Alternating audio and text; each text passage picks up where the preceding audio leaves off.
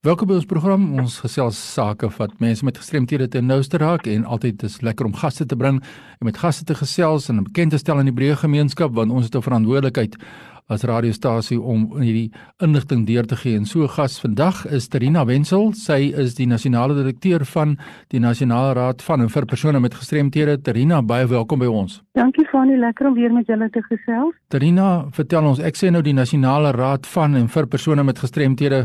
Vertel ons net eers wat beteken die naam? Die naam beteken eensvoud dat ons nie 'n eksklusiewe organisasie is nie en ons is ook nie paternalisties nie. So daarmee bedoel ons dat um, dit is vir persone met gestremdhede en persone sonder gestremdhede wat skouer aan skouer werk vir die insluiting van persone met gestremdheid en vir die gelykheid van persone met gestremdheid. Meer as 2/3 van ons uitvoerende komitee en van ons bestuur is persone met gestremdheid. So ons kan met reg sê dat dit ook van persone met gestremdheid is. Nou Trina sê net my waar kom die situasie nou vandaan? Ons weet nou daar was destyds die mediese model vir die insluiting van persone met gestremthede en toe het ons nou oorgegaan na die sosiale model. Toe het hierdie uh die betrokkenheid van persone met gestremthede binne die sosiale model nou iets te doen met die naamverandering of was dit net uh, ander redes ook wat jy nou vir ons uiteengesit het?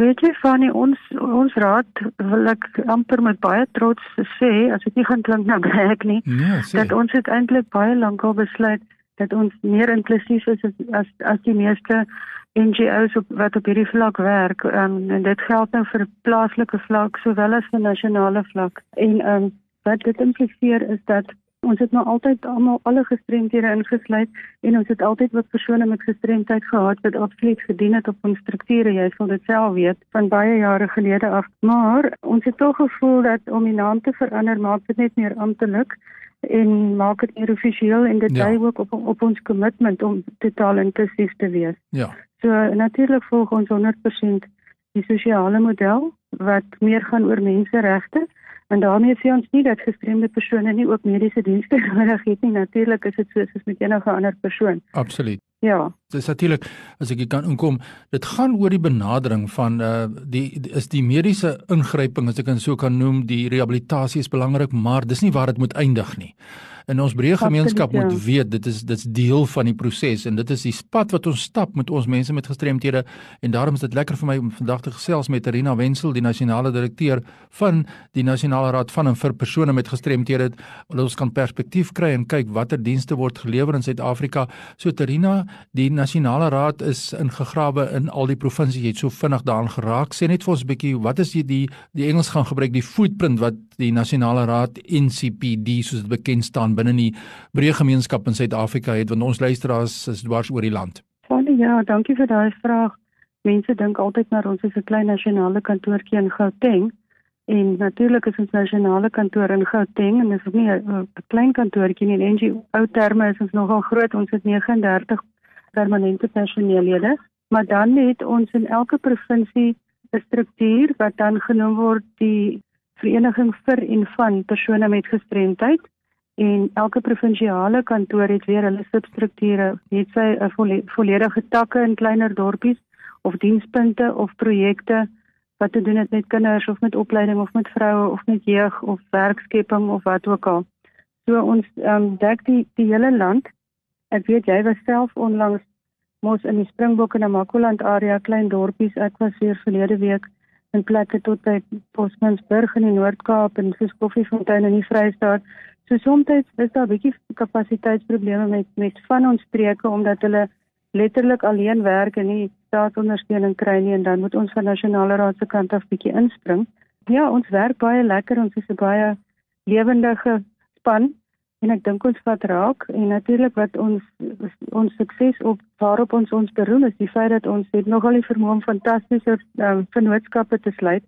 Ons kan absoluut niks alleen doen nie as ons nie wonderlike vennootskappe het soos met RSG die media en ander gemeenskapslede, staakondernemings en selfs ook sekere staatsdepartemente.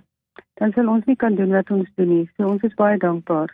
Terina, kom ons afsluit van hierdie gesprek. Ons wil graag weer met jou gesels in 'n volgende program, maar terwyl van vandag kan ons net sê vinnig Hier net vir ons die 3 of 4 fokusareas van mense met gestremthede wat regstreekse dienste van julle organisasie ontvang. Dan kyk ons of daar 'n volgende program met jou gaan gesels oor dieper wat julle doen in hierdie veld.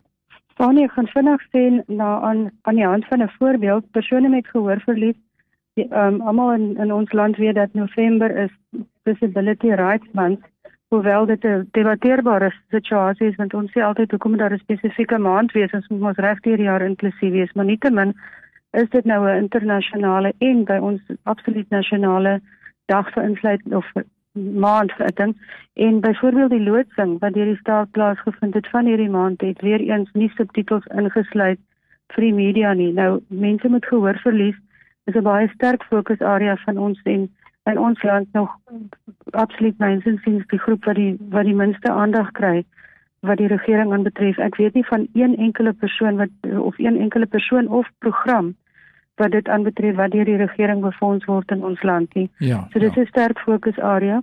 'n Ander een is is kinders met gestremdheid wat ehm um, baie baie sukkel om toegang te kry tot die regstelsel, veral kinders wat wat seksueel en en andersins gemolesteer word toegang tot die regstelsel is absoluut skaars en indien ja. dit gebeur, ehm um, gebeur dit nie op die regte manier nie. Dis iets wat ons dwars in die krop steek. Ja. Maar aan die positiewe kant ons doen baie daaraan. Ons beklei baie vir insluiting ja. in die onderwys wat kinders betref. Ja. En dan net vinnig ons help gestremde mense om jobs te kry. So, so help ons ook mense met hulle BE punte en ja. hulle employment equity.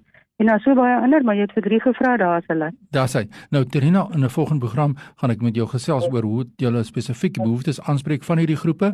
As baie mense is maak nie saak waar hulle self bevind nou nie, wil jou skakel. Hoe kry hulle jou aan die hande om kontak te maak mense wat hulp en ondersteuning nodig het? Waar kry hulle vir jou? Nie, ek gaan my e-posadres gee, maar ek gaan ook my selnommer gee. Ek wil net vir luisteraars vra met my asseblief nie bel nie dit sou glad nie werk nie. Dit is net nie logisties vir ons waalbaar om op foon oproepe te antwoord nie, maar kan wel 'n SMS of 'n WhatsApp stuur.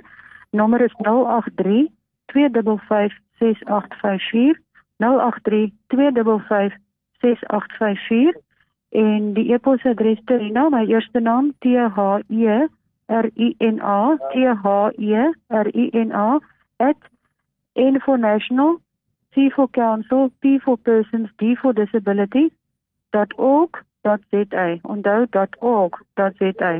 Baie ja. dankie. Ek hoor graag van die luisteraars en da, baie baie dankie vir die geleentheid. Ja, dankie Trina. Net weer die telefoonnommer 083 2556854 asseblief moenie skakel nie.